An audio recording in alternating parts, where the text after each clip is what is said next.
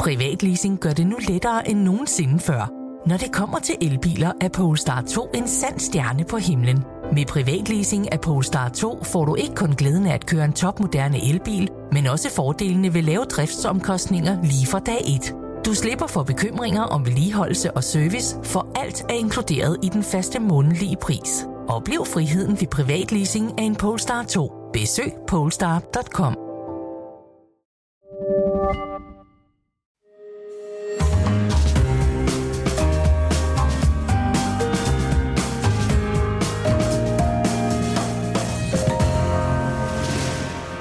lytter til Byens Bedste, en podcast fra Berlingske.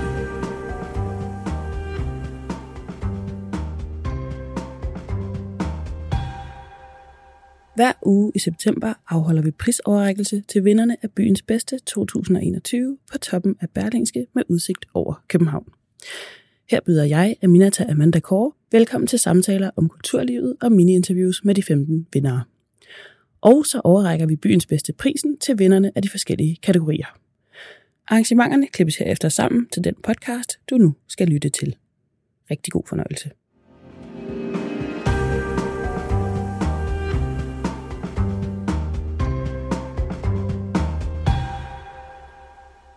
Streamingtjenesterne svømmer ind over det danske land. Vi har Netflix, Viaplay, Disney+, Apple TV+, Seymour, HBO Nordic, Filmstriben, Prime TV, Discovery+, Plus, TV2 Play og stadig flere kommer til.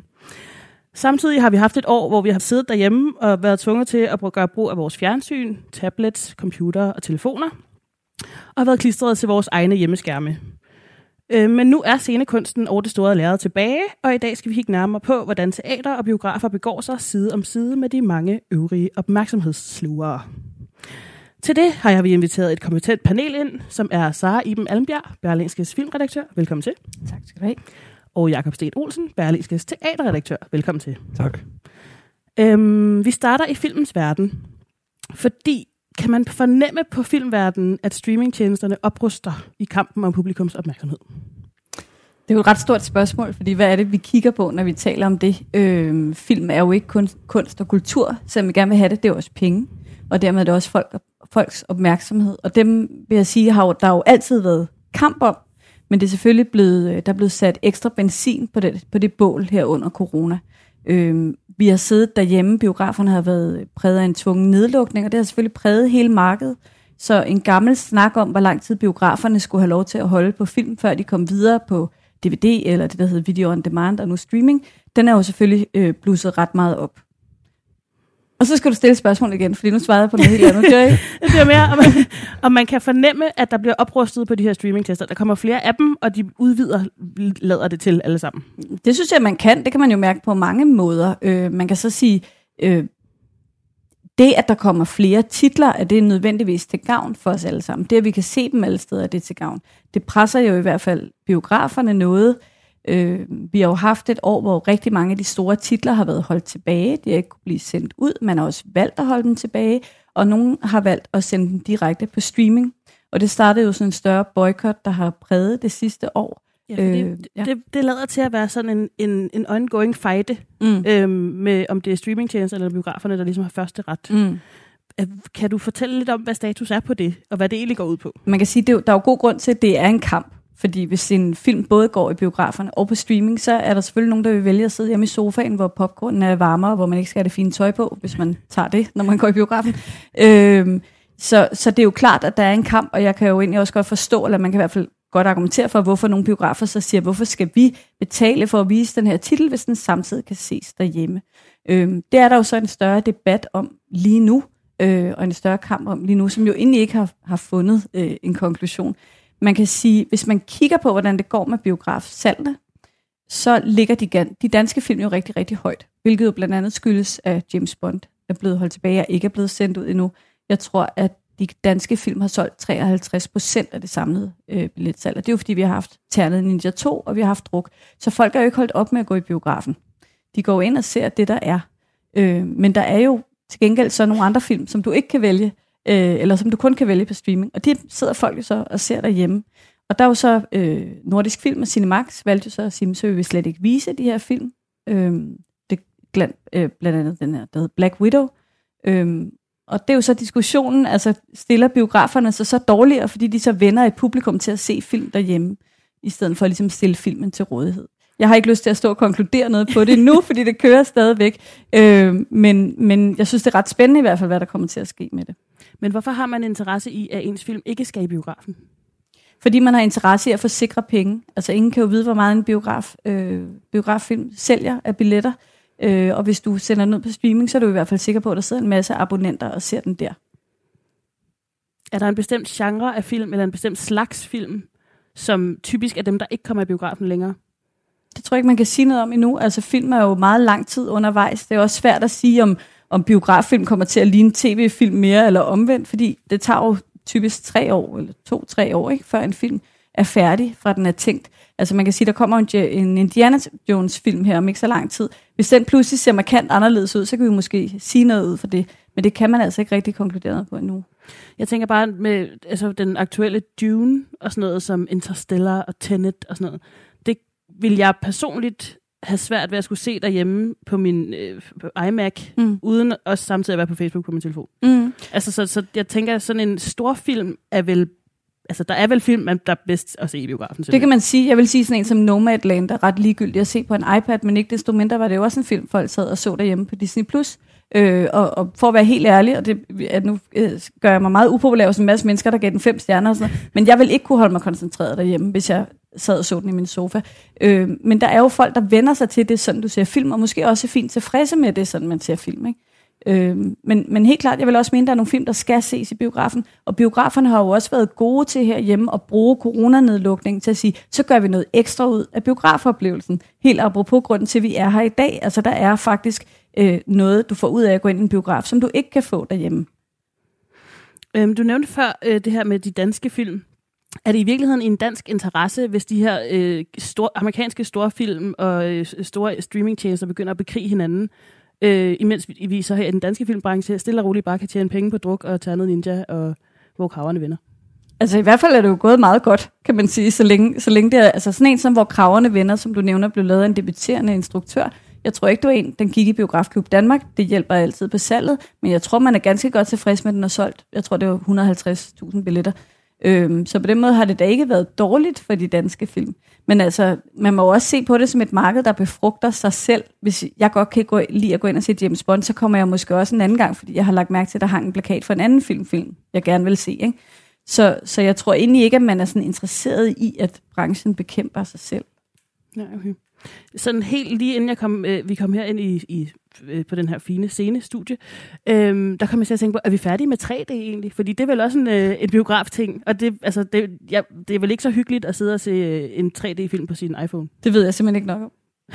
jeg synes bare, det er længe siden, jeg har set en 3D-film. ja. Der en reklame for det. Men øh, det tror jeg ikke, man er. Nej. Men øh, det, det vil jeg helst ikke være ekspert på. Fair. Øh, Jakob Sten Olsen, hvis vi går over til scenekunstens verden, øh, så vil jeg, for at lave sådan en, det, som vi kalder en bro, mm. så har I jo også flyttet lidt med streaming. I og med, at man under coronanedlukningerne faktisk, øh, der var en række forestillinger, som man kunne se digitalt. Ja, øh, der var teaterne faktisk ret hurtigt ude, eller i hvert fald nogle af dem. Øh, dels fordi der var nogle skuespillere, der sad og sagde, hvad skal vi så lave? Men også fordi teaterne jo, det giver jo ikke noget mening at være et teater, som ikke har et publikum. Øh, så der var, har været forskellige forsøg på at lave streaming. Øh, øh, nogen, som, øh, ja, hvor man strengt taget bare optog noget, øh, og så øh, bondede man det, og så viste man det, øh, eller streamede man det efterfølgende. Der har også været øh, ting, som nærmest var teateropførelser, som blev filmet, øh, som skulle have været spillet for et publikum i en sal, men som blev filmet øh, og lagt ud i en begrænset periode. Og så har der endelig været nogen, hvor man rent faktisk også tog det, at teater er en live-situation alvorligt, og simpelthen lavede noget, der var live. Så der har været sådan forskellige forsøg med det. Øh, jeg synes, at det var godt forsøgt, og der er også nogen, der mener, at det er en fremtidsgenre. Personligt har jeg det sådan, at for mig er teater altså noget med at bevæge mig et sted hen og være sammen med nogle andre mennesker, se nogle levende mennesker lave noget for øjnene af mig. Det kan aldrig erstatte det, øh, og filmen er lidt opfundet. Men jeg synes, i en snæver vending, Øh, Øh, også fordi teateret er hurtigere på aftrækkeren, og det trak man også på, end, end filmen er. Så fik man rent faktisk lavet noget, øh, som blandt andet handlede om corona og den fælles situation, som var, var fint nok. Øh, men, men personligt er jeg rigtig glad for, at teaterne er lukket op igen. Men er det, er det overhovedet en helt ny genre? For jeg mener da, at altså, øh, sådan nogle musicals har jo typisk også været noget, man kunne købe på film efterfølgende, i hvert fald nogle gange, øh, hvor man så bare har optaget det, som Nå ja, øh, var der, i gamle dage var der jo noget, der hed transmissioner fra det kongelige teater og sådan noget, ikke? Øh, øh, så, øh, hvor, man, hvor man kunne sidde derhjemme i stuen, men det var mest ud fra sådan et princip om, at selvfølgelig, at hvis man bo- boede over i Jylland og ikke havde sikret sig billet til Elverhøj, så skulle man også kunne se det og sådan noget. Øh, så man kan diskutere, hvor ny en genre der er. Øh, jeg synes, det var fint, at teaterne lavede det i en periode. Der, det kan være, at der er nogen, der kan opfinde en helt ny genre. Hvis de skal opfinde den helt nye genre, så tror jeg, det er meget vigtigt, at de lige præcis har det, som så er teaterets øh, force, at de har live-elementet med. At du ved, at det her er noget, der skabes for øjnene af dig. Så kan det godt være, at det kan udvikle sig til et eller andet, øh, hvis man får lidt mere styr på kameraføring og æstetik og de historier, man vil fortælle og sådan noget. Øh, men altså personligt går jeg hellere glad hen i teateret. Men vil, vil, betyder det her så, at teatrene skal og vil ind og konkurrere med streaming? Det er der nogen, der gerne vil, øh, men øh, lad, lad os nu se. Øh, fordi det, jeg mener, at teater står sig bedst ved at være teater. Hvad, hvad vil du uddybe det? Øh, ja, det vil jeg da gerne. Altså, øh, det, det, øh, at det, teater er noget andet end film, øh, og det synes jeg, hvis vi skal tale om, hvordan teateret har det, øh, så synes jeg, at teater har det rigtig godt forstået på den måde, at teateret har erkendt, at teater ikke er film. Det så måske lidt anderledes ud for måske 20 år siden. Der var der en, øh, stadigvæk en, en illusion om øh, i rigtig mange teaterforestillinger, der nærmest var sådan en fjerde væg mellem tilskuere og, og det, der foregik på scenen, at vi skulle lade som om, at det her var en illusion, øh, og de ikke anede, at vi var der, og, og, og, øh, og vi kiggede ind i, en, i nogle menneskers liv. Øh, Øh, og de hedder i øvrigt alle sammen Peter og Jane og sådan noget, og boede i London. øh, men sådan er det ikke mere. Nu, nu synes jeg, at øh, og det, det er lige meget om det er de små teater eller de store teater, så, øh, og, og hvilken type teater man laver, så er der en helt, helt, helt anden bevidsthed om, at øh, teater øh, er altså noget med et levende publikum i salen. Øh, det kan være alt lige fra, at vi bliver involveret på en eller anden måde, at man spiller ud over rampen, at skuespillerne så, står og siger goddag, øh, at øh, selv når du spiller en, en øh, Shakespeare-forestilling eller en Ibsen-forestilling på det kongelige teater, så er det også helt klart, synes jeg, man kan se i spillestilen en bevidsthed om, at det her altså øh, for et levende publikum. Øh, og, og det synes jeg tjener teateret til ære. Teater er jo ikke realisme i virkeligheden. Det, teater er jo et symbolsk fantasirum, øh, mens filmen er rigtig god til det der med, at vi lever os ind i og, øh, øh, øh, øh og, og, og øh, øh, griner og græder og føler, at det her er et stykke virkelighed, vi sidder og, og, og lurer på. Øh, der kan teater noget andet som symbolrum, øh, som det skal være... Øh, øh, som, som det bare skal, øh, skal, skal udnytte og dyrke. Øh, og der, der synes jeg virkelig, at der er sket et skred i dansk teater hen over de sidste øh, 10-15 år. Er der nogle erfaringer, man har gjort sig under øh, den her lange periode, hvor man ikke har kunne være ude at spille, som, som du kan mærke som tilskuer i en teatersal nu? Altså jeg synes især efter den første nedlukning, hvor jeg fik lov til at spille sidste efterår, at teaterne havde haft god tid til Øh, og, og måske var det en blanding af, at man har haft lidt bedre tid til at forberede forestillinger, men også at man virkelig brændte for, nu skal vi virkelig vise, hvor gode vi er. Der var en stribe af gode forestillinger. Øh, det har der øh, sådan set også været nu. Altså, øh, det, måske har det slet ikke været så dårligt med en tænkepause i virkeligheden. Ikke? Øh, fordi øh, øh alle brændte efter at få lov til at, at dokumentere det, som man havde påstået, at øh, vi ikke kan undvære teateret. Ikke? Øhm, I har begge to fortalt mig tidligere, at der både i øh, biograf, øh, biografregi og øh, med dansk scenekunst simpelthen øh, pt. hersker en flaskehals af indhold, der skal ud. Øhm, fordi der jo har været de her nedlukninger. Men du fortalte os, Jacob, at der simpelthen er nogle forestillinger, som har kørt, uden at de er blevet spillet. Jamen, der er jo ske, altså de forestillinger, der var jo ikke nogen, øh, altså skuespillere stod jo på scenen i første akt og fik at vide i pausen, at nu øh, skulle de altså gå hjem, efter når de havde spillet færdigt. Ikke? Øh, så på den måde var der jo en masse forestillinger, der lukkede ned. Nogle af dem er jo så blevet udskudt og nåede at have en eller anden form for liv, øh, men hvor de måske øh, ikke havde øh, altså, opbrugt deres potentiale, og de kommer jo selvfølgelig op igen i den her sæson. Der er nogle projekter, som er blevet udskudt, som aldrig nåede at blive ført til premiere, men som var så gode idéer, synes man, eller måske kunne man, var der også noget praktik i det selvfølgelig, at man kan samle holdet igen. De er også blevet udskudt og skal have premiere. Øh, og så er der jo det rigtig tra- tragiske, og det er jo de forestillinger, det er jo en helt absurd øvelse, man øh, lå Dansk Teater underkaste sig, at øh, for at man kunne få nogle penge, så var man nødt til at øh, føre en forestilling frem til generalprøven med kostymer og masker og skuespillere og det hele. Øh, og så blev den spillet for billetdamen og, og øh, rengøringsdamen, og så blev hele lortet lukket ned. Ingen har set de forestillinger. Det er jo helt vanvittigt, når man tænker på det, og wow, det er over for voksne mennesker i øvrigt. Øh, men men øh, øh, så der, der er også forestillinger, vi kun kan drømme om, men som ingen no- nogensinde har fået set. Øh, og det, øh, så er der selvfølgelig også dem, de forestillinger, som så bare aldrig nåede at komme op, og som af forskellige øh, årsager ikke, ikke bliver vist. Ikke?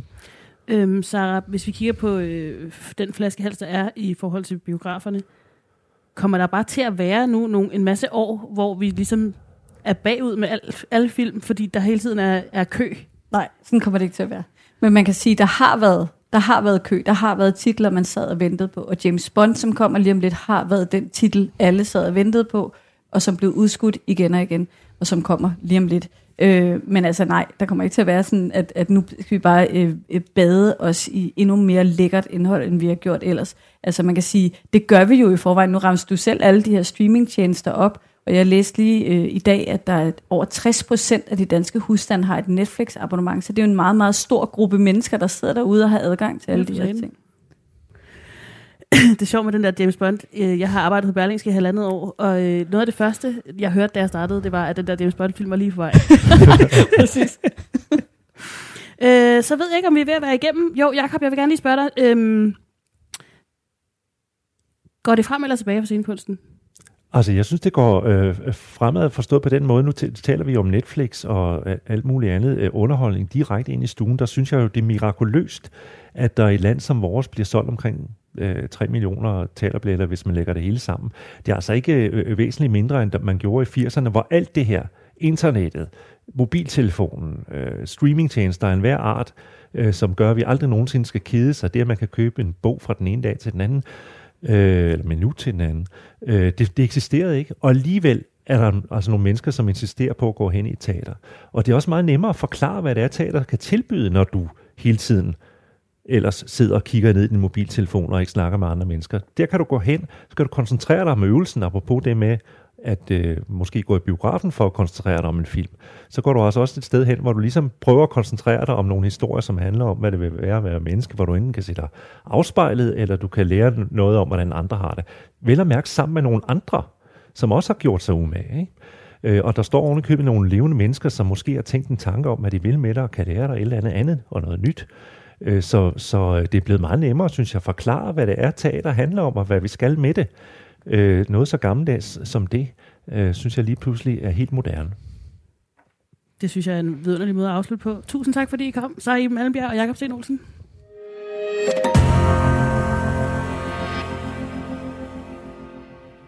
Og nu skal vi videre til prisoverrækkelserne, som er byens bedste forestilling, byens bedste scene og byens bedste filmoplevelse. Og vi starter i filmens verden. Om byens bedste filmoplevelse skriver Berlingskes filmredaktør Sara Iben Almbjerg. En biografoplevelse handler ikke kun om det, du kan se på lærredet. Et godt indrettet rum med en særlig stemning kan starte oplevelsen allerede inden lyset slukkes. Sådan er det i Gentofte Kino. Gentofte Kino er en særlig dame, og det siger en del om biografen, at den har logepladser. Her er kun det bedste godt nok. Vi giver en rigtig stor hånd til Sune Lind Thomsen, biografdirektør i Gentofte Kino.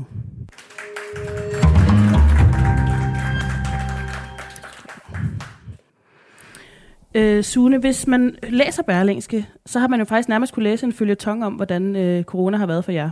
Ja. For du, øh, lige, lige inden februar, der tager du en beslutning om at sætte til hele butikken. Du hæver din pension, du hæver det hele, og så kører du en biograf. Ja, det er rigtigt. Altså, øh, 1. marts 2020, der vælger jeg at købe Gentofte Kino, som er min barndomsbiograf. Efter 20 år i filmbranchen, hvor jeg har prøvet stort set det hele, men jeg har ikke prøvet at have en biograf. Og så synes jeg lige præcis Gentofte Kino, som er min lille landsbybiograf. Det skulle den, jeg skulle have fat i. Og det skulle være til 1. marts, fordi 1. april, der kom den nye James Bond jo, ja. som vi har talt om. ikke? Så, så havde jeg lige en måned til lige at male, og lige Klart. skifte det gamle urinal ud. Altså, det er jo ikke alt for 38, der er ved at gemme på. Så derfor, ikke? Men så blev det bare ikke sådan. Det blev til 8 dage. Øhm, nu står du her med prisen i hånden. Ja, det er meget overvældende. Jeg kan ikke forestille mig andet, end at du en gang imellem må have æret over timingen. jo, jo, jo, jo, jo. Det gjorde jeg øh den 9. marts og så sidenhen. Nej, men øh, faktum er jo, at det er noget med at finde ud af, når man nu, nu lukker man jo ned, og det var ikke sjovt øh, på nogen måde, øh, fordi det er jo et privat, øh, altså jeg er jo kun mig, skulle man at sige. Øhm, og, øh, og det er jo ikke nogen... Øh, det er jo ikke en offentlig biograf, det er jo en, en kommersiel privat biograf. Så øh, det var ikke sjovt, men så må man sætte sig ned og sige, at hvis man ikke er udvikling, så må man jo afvikling. Og så må vi bare sige, hvad kan vi så gøre i den her nedlukningsperiode? Og der var masser at gøre, øh, synes jeg. Så det vi kaster os over i sådan et, et for, fornyelsesprojekt i Gentofte Kino. I er jo ikke en del af en større kæde, og har derfor ikke de her gigant, giganter i ryggen. Nej. Alligevel formår I at lave en biograf, som folk er helt vilde med. Ja, Hvad er det, I kan, som, øh, Nå, jeg- som alle andre ikke kan? Ja, Jeg tror også, at de andre kan det også. Det er jeg ret sikker på. Men jeg tror, det, det handler om. Gentofte, Kino er jo en, en gammel øh, biograf fra 1938, og en original funkis biograf.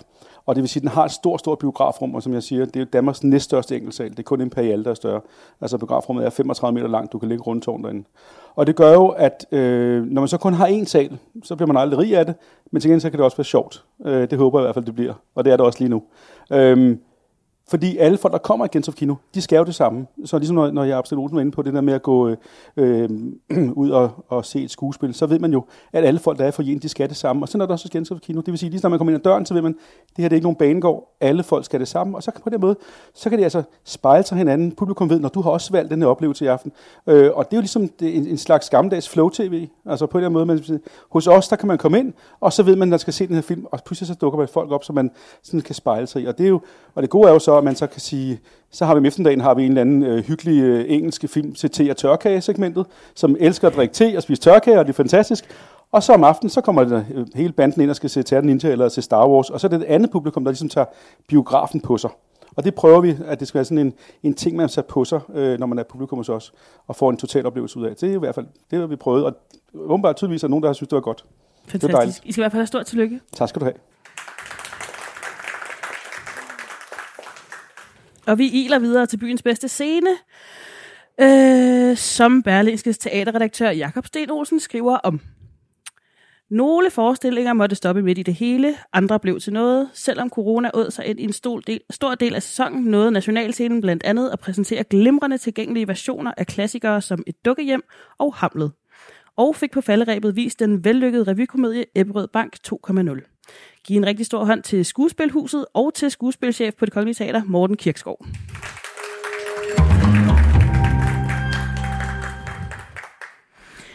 Øh, Morten Kirkskov, hvordan sørger I for, at jeres publikum går hjem med en vidunderlig helhedsoplevelse? Du tænker på huset som sådan? Og Ja, det gør ind Altså, vi har jo et ret lækkert hus, så vi skulle skamme os, hvis- vi ikke fik en helhedsoplevelse og servere for publikum. Og det gør vi, hvad vi kan for. Vi har også lige skiftet restauratør, så der er sådan en, nu kan man få smørbrød. Det er Åmands, der har overtaget øh, for mig, og det er meget sjovt at prøve noget nyt en gang imellem.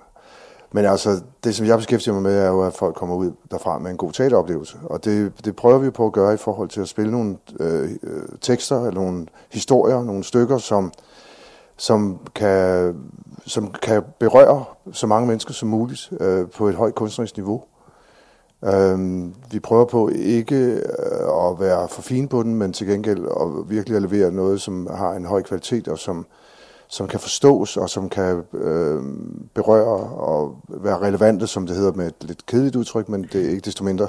Er der en grund til, at man bruger det udtryk hele tiden? At, det, at, det, at folk kan komme i teateret og mærke, at det vidrører dem, øh, og at de går derfra med en, en, en oplevelse af at være blevet talt til eller sammen med. Hvad er jeres fornemmeste opgave som national scene? Vores fornemmeste opgave er, synes jeg, at, øh, at man, når man har været i teateret, føler sig som et lidt andet menneske, end man var, før man gik i teateret. Det sagde man et godt svar. I skal i hvert fald have stort tillykke med prisen. tak skal du have.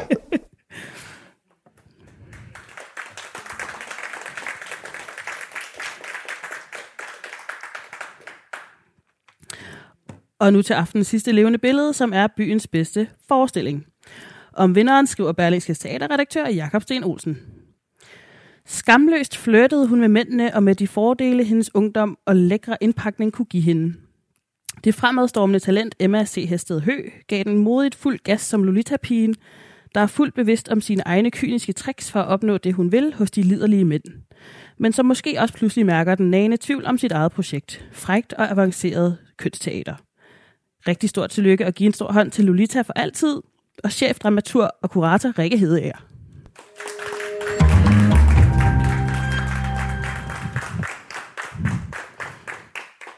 Tillykke med prisen. Øhm, hvis det ikke er alle, der lige har fået set jeres forestilling, vil du så ikke ganske kort lige oprise, hvad det er?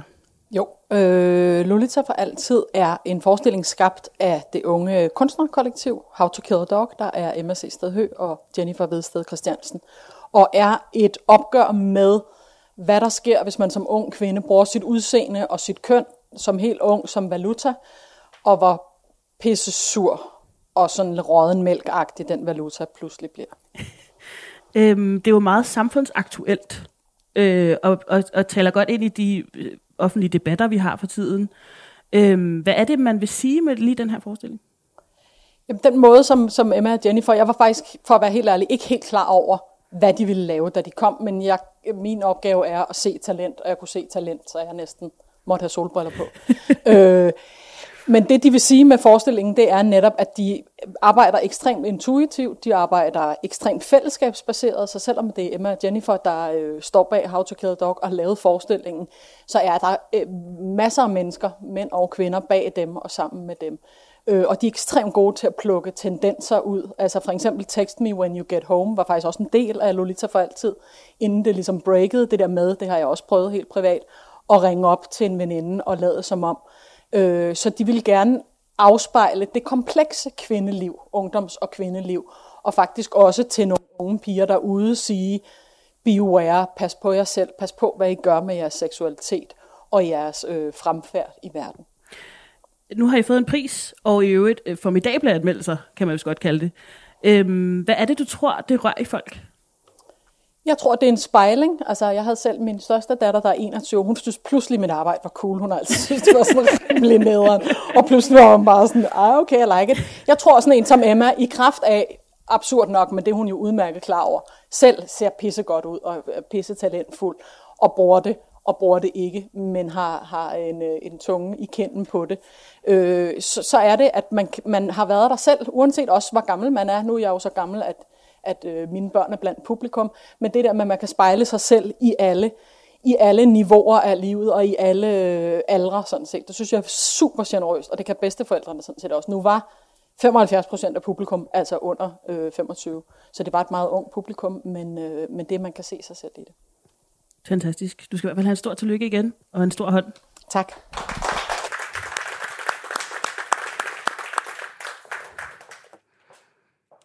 Og det var simpelthen, hvad vi havde for i dag.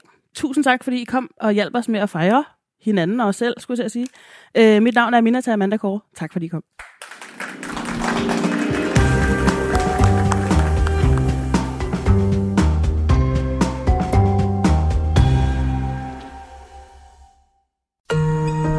Podcasten er sponsoreret af EGN. Bliv en del af en professionel netværksgruppe med folk, der forstår dig. De kan hjælpe og inspirere dig gennem dit arbejdsliv, så du hurtigere finder de gode løsninger. Find dit nye netværk på egn.dk.